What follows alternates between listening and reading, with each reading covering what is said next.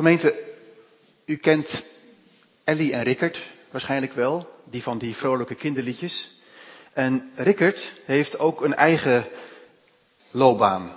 Was vorig jaar in het Schafla waar hij optrad. En dan is hij niet zozeer Rickert van de kinderliedjes, maar Rickert de luis in de pels. De vriendelijke profeet. Die op een hele charmante, maar ook wel scherpe manier dingen blootlegt waar je om kan glimlachen, maar waar je ook soms een beetje verontrust over kan worden. En dat doet hij bij voorkeur door grappen te maken en door liedjes te zingen. En een van die liedjes is licht ironisch en heet Na de reclame. En het gaat zo. Ik ga het niet zingen, maar ik zal het citeren.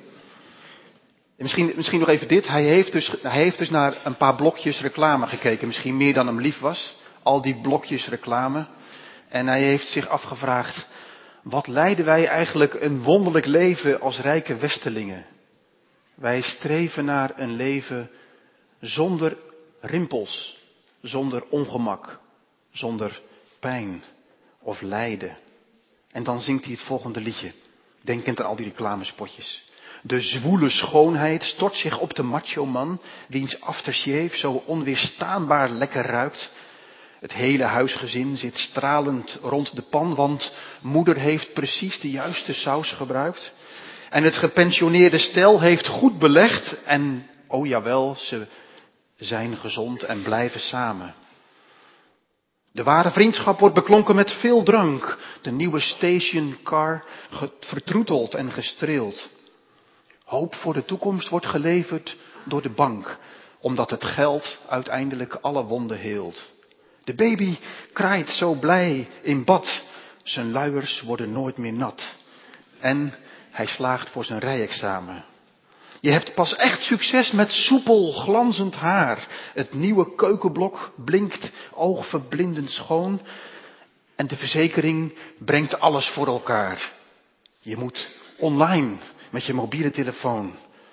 Een frisse geur in de wc. Nu ook in sinaasappelspray zal je bestaan veraangenamen. En het refrein luidt, stil maar mijn kind, al loeit ook de wind langs de ramen. Stil maar mijn kind, de wereld vergaat pas na de reclame. En in een interview legt hij uit waarom hij dit liedje schreef. Hij, hij zegt dan onder andere dit. Hij zegt, uh, wij reizen wel eens uh, in Afrika. We komen wel eens in Afrika. En dan en dan reizen we uh, dagen, weken lang in een gammele, gammele auto over erbarmelijk slechte wegen. We worden door elkaar gehutst en geschud. En dat is helemaal niet erg, maar dan kom je in Nederland, land je op Schiphol, en dan heb je weer die spiegelgladde wegen. En als er één bobbeltje in het wegdek zit, plaatsen we er een bord bij. Slecht wegdek. En hij zegt, dan moet ik zo lachen. Waar zijn wij mee bezig? Hij zegt dit, wij Westelingen, wij weten niet wat lijden is. We weten het niet meer. En daarom houden we het het liefst zo ver mogelijk bij ons vandaan, terwijl we er echt niet aan ontkomen. We strijken het liefst alles glad.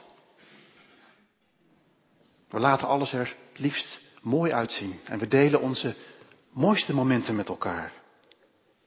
We hebben vaak geen idee, zegt Rickert, hoe we met lijden moeten omgaan. En ik vroeg me af, luisterend naar zijn liedje, u zou het, u zou het kunnen opzoeken op YouTube na de reclame, zingt het dan samen met, met Ellie. Um, ik vroeg me af, is ons geloof nu ook zo'n gepolijst geloof geworden? Is uw geloof en het mijne niet ook iets te veel glad gestreken?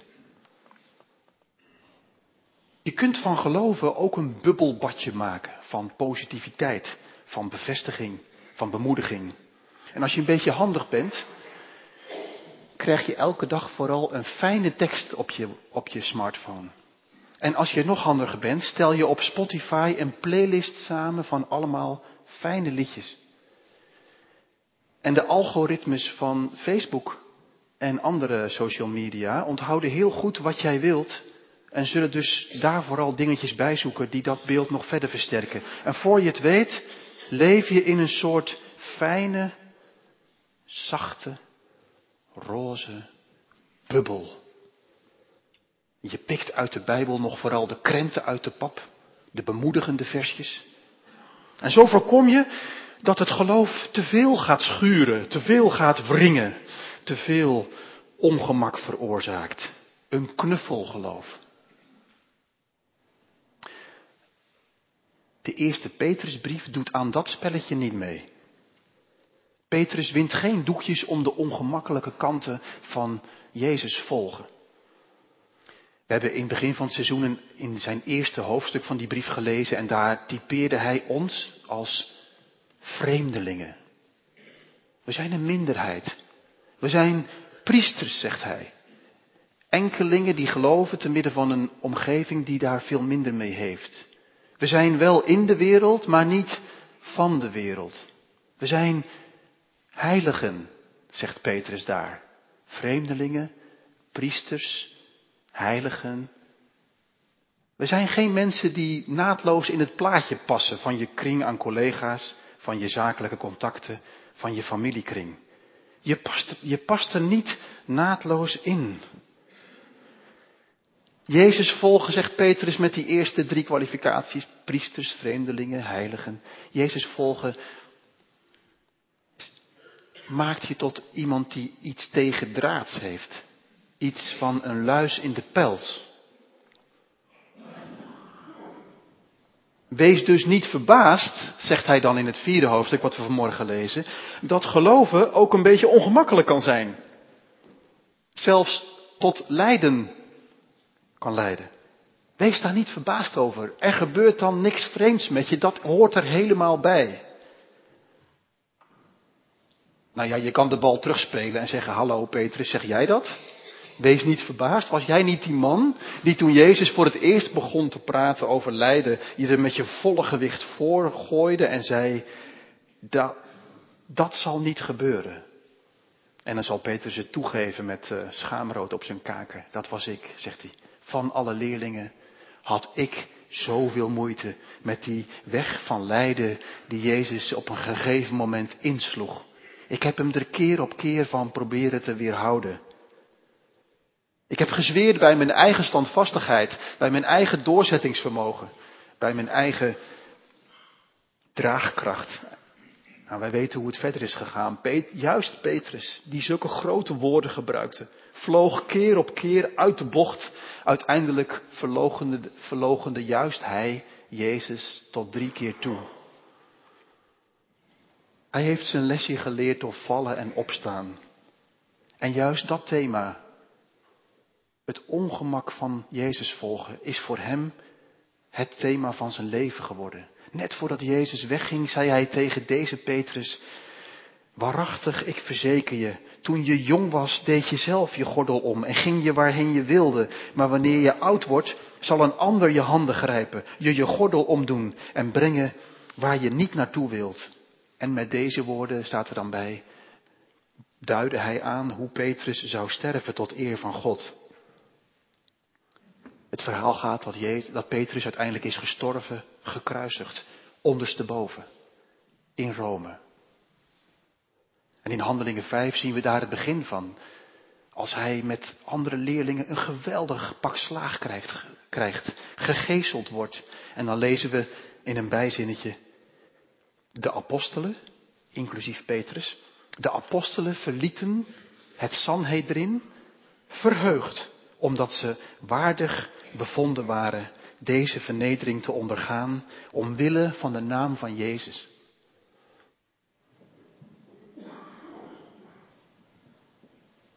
Snapt u wat Petrus zegt? Petrus zegt niet, volg Jezus en, oh ja, het kan zijn dat het hier of daar ongemakkelijk is. Nee, Petrus zegt dit. Volg Jezus en dat betekent dat je daar ook een prijs voor betaalt.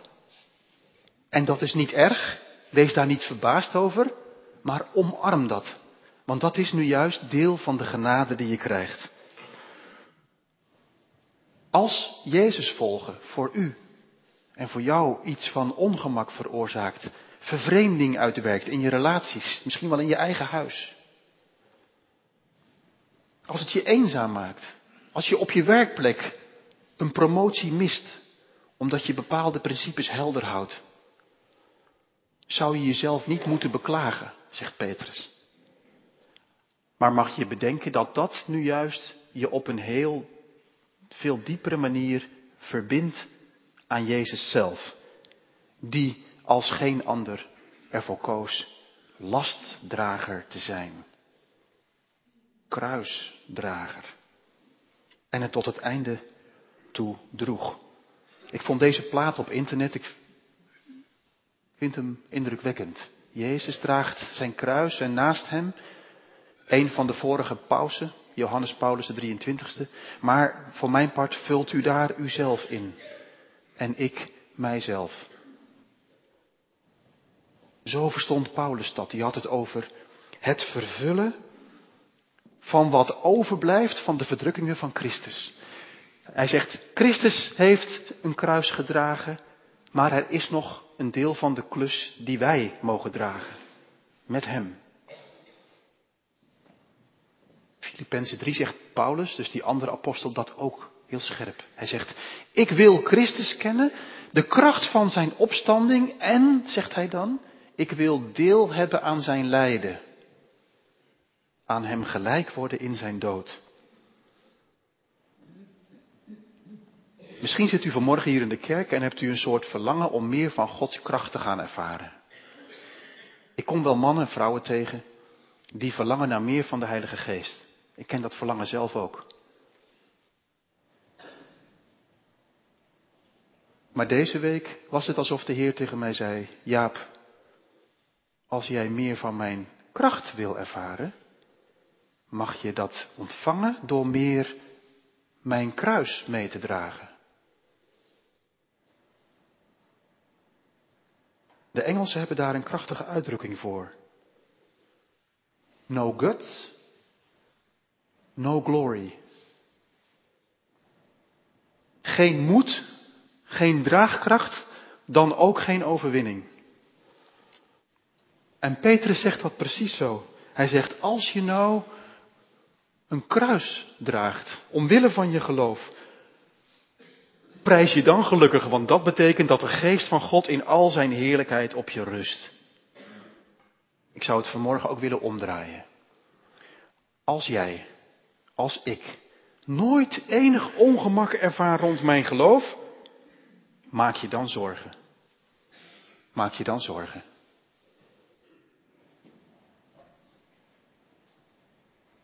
Maar ken je, maar weet je hoe dat kruis voelt op je schouders? Weet je hoe de last kan drukken? Wees dan niet verbaasd, dank God. Het is genade, zegt Petrus in 1 Petrus 2. Hij zegt dit. Hij zegt zelfs dit. Het is niet een bijzaak, een ongemakkelijk kantje van geloof. Hij zegt, dit is uw roeping. Ook Christus heeft geleden om uwentwil en u daarmee een voorbeeld gegeven. Treed dus in de voetsporen van Hem. Was dus een groepje westerse christenen die waren in China, in uh, Beijing. Westerse christenen gingen op zoek naar een huiskerk en ze vonden hem. En op zondagavond zaten ze in een huiskamer met een groepje Chinese gelovigen. Er was een tolk bij. En die huiskring begint iedere zondagavond elkaar de volgende vraag te stellen. Wat zijn deze week uw wonden voor Christus? En dan komen de verhalen los. De prijs die ze betaald hebben, fysiek, sociaal, financieel, omwille van hun geloof. En toen kwam de vraag bij de Westerlingen. En jullie? Wat zijn jullie wonden deze week voor Christus? En de Westerlingen werden licht ongemakkelijk. En na enig gestotter en elkaar aankijken zeiden ze, tja, wij hebben niet echt wonden voor Christus, want wij leven in vrije landen. En toen viel er in die huiskamer daar in Beijing een pijnlijke, lange, ongemakkelijke stilte. Tot een oude Chinese christin het woord nam en zei, bedoelt u dat u in vrije landen geen geestelijke strijd voert?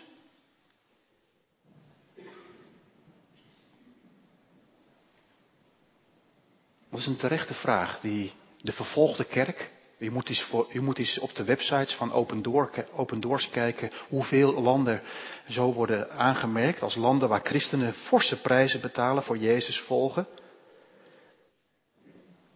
De vraag die zij ons stellen is, en jullie daar in Lunteren en omgeving, wat zijn uw wonden voor Christus? Waar zit in uw leven het offer? Waar mag het iets kosten? Waar betaalt u een prijs? En dan niet beklagend, mopperend of zuchtend, maar met een glimlach. Als u die vraag niet heel makkelijk beantwoordt, dan bent u of ik misschien wel iets te veel bezig om het allemaal een beetje glad te strijken. Een beetje mee te bewegen met alle winden meewaaien en zo je eigen kleur verliezen. Jezus volgen betekent het niet om het ongemak heen leven. Jezus heeft er zelf nooit doekjes om gewonden. Wie achter mij wil komen, zei hij, moet zichzelf verloochenen, zijn kruis op zich nemen en mij volgen. In Matthäus 11 zegt hij het net iets anders. Neem mijn juk op je en leer van mij. Want ik ben zachtmoedig en nederig van hart. Dan zullen jullie werkelijk rust vinden. Want mijn juk is zacht en mijn last is licht. Neem mijn juk op je. Jezus denkt dan aan zo'n stel ossen die gaan ploegen op harde oosterse grond vol rotsen. Daar kunnen ossen zich op stuk lopen. Dat is zwaar werk onder de hete zon.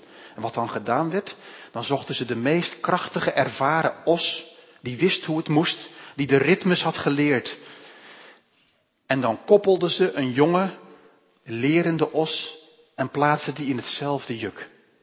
En zo trokken ze samen op en kon die jonge os van de oudere os leren hoe je dat doet. Hoe je het volhoudt. Hoe je de energie verspreidt. Hoe je het opbrengt. En Jezus zegt, ik draag dat juk sowieso. Het juk van de wereld. Maar er is naast mij een plek voor jou. Neem mijn juk ook op jou. En laten we dan samen op pad gaan. We lopen samen op. En ik zal je leren hoe, hoe je wandelen moet. Ik zal je leren hoe je lasten draagt. Hoe je naar mensen kunt kijken. En weet je, schrik niet te veel terug. Het is een zacht juk. En het is een lichte last. Want ik, zegt Jezus, ik heb de grootste klus al geklaard. Op Golgotha. Tot bloedens toe. Ik ben eraan kapot gegaan. En nu nodig ik jou uit en u om uw deel te leveren. En de overblijfselen van Christus lijden te gaan vervullen. En weet je waarom het zo zacht is? En zo licht? Enerzijds omdat Jezus eigenlijk de klus heeft geklaard. En twee, je bent nergens dichter bij Jezus dan juist naast hem lopend onder dat kruis. En hij is zo ander gezelschap dan welk mens dan ook. Zoveel eerlijker, zoveel scherper, zoveel vriendelijker, zoveel bewogener, zoveel ontspannener, zoveel barmhartiger. Neem mijn juk op je en leer van mij dat ik zachtmoedig ben en nederig van hart. Leer in je omgang met mensen een zacht hart te ontwikkelen. Dat je niet altijd zo op je strepen staat. Dat je, dat je leert incasseren. Dat je niet, als je lijden moet, als je ongemakken ervaart en over je heen krijgt, niet meteen in de verdediging schiet, in de vechtmodus. Leer van mij dat ik zachtmoedig ben. Jezus leed als geen ander en deed zijn mond niet open. Als een lam ging hij naar de slachtbank. Leer incasseren, leer dragen, leer verdragen. En leer dat ik nederig ben of zachtmoedig van hart en nederig. En dat nederige zit hem vooral in de omgang met God. Leer van mij dat ik, dat je niet zo jouw eigen projectjes, plannetjes en strak gestre gladgestreken leven hoeft na te streven. Maar leer nederigheid in de zin van zoeken naar Gods wil, Gods weg. Neem mijn juk op je, zegt Jezus. Leer van mij dat ik nederig ben en zachtmoedig. Zachtmoedig en nederig van hart. En, zegt hij, dan ga je rust vinden voor je ziel. Dat is apart, hè? Je zou denken, nou, als je, die, als je daar gaat lopen naast Jezus onder dat kruis, dan is het met de rust wel gedaan. En Jezus zegt, en zo ga je op een diepe niveau van je leven juist rust vinden. Omdat je weet, ik ben nu op de weg die ik moet gaan. En Jezus is naast mij en voor mij uit. Hoofdzaken zijn hoofdzaken, bijzaken zijn bijzaken. En je weet, ik leef in de juiste richting. Dat geeft een diepe, een diepe rust. Kijk, dat is wat Petrus probeert duidelijk te maken aan die eerste generatie christenen. Ze kunnen op veel punten niet meer mee met hun omgeving in dat ongeremde gedrag van vroeger. Zat hem dan vaak uh, op seksueel gebied, op drankzucht, op, op losbandigheid, daar in die, in die Grieks-Romeinse steden. En op heel veel punten ook eerlijk zaken doen en zoveel meer. Ook hoe ze omgingen met hun vrouw en hun kinderen. Petrus stipt het overal aan. Op de werkvloer, in de slaapkamer, in de keuken. En ze konden niet meer op de oude voet verder. En Petrus zegt, wees er maar blij om. En draag dat juk met een vrolijk hart.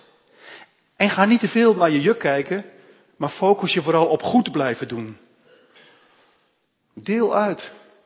Wees een soort van Christus in je omgeving. Beste vrienden, Jezus heeft het lijden nooit bewust opgezocht. En hij vraagt het ook niet van ons. Maar hij is zeker niet iemand die alles krampachtig glad strijkt en om het ongemak heen leeft. Als het op zijn pad komt, kijkt hij het in de ogen. Hij is niet gekomen voor een schijnwereld die wij creëren in onze reclamebubbels en onze levenspatronen. Hij is gekomen voor de rauwe, gebroken werkelijkheid die u en ik maar al te goed kennen. Diep in ons gewonde hart, in rouw, in gemis, in eenzaamheid, in gebroken harten, in ontwrichte familierelaties, in al die dingen waar je zo bang van kunt worden en zo onzeker en waar je je ten diepste voor schaamt en waar je al te lang mee rondzult. Jezus kiest ervoor om in die wereld lastdrager te zijn. En kiest dus voor echtheid en niet voor schijn. Voor kwetsbaarheid, niet voor maakbaarheid. Voor liefde in plaats van angst. En vanmorgen is de uitnodiging aan u en aan jou om Hem ook daarin te leren volgen. Voor het eerst of misschien wel opnieuw. Ik zou het nu haast iets concreter willen maken, maar dat doe ik niet. Want het ziet er voor u net weer iets anders uit als voor mij. Maar het zouden wel eens de dingen in uw leven kunnen zijn die niet leuk zijn, niet spannend, die taai zijn, maar die op je pad komen en waarin jij of u wordt gevraagd om te volharden. De schouders eronder te blijven zetten. Met de bereidheid offers te brengen. Niet klagend, niet mopperend, niet zuchtend, want de werkelijke lastdrager is de man uit Nazareth.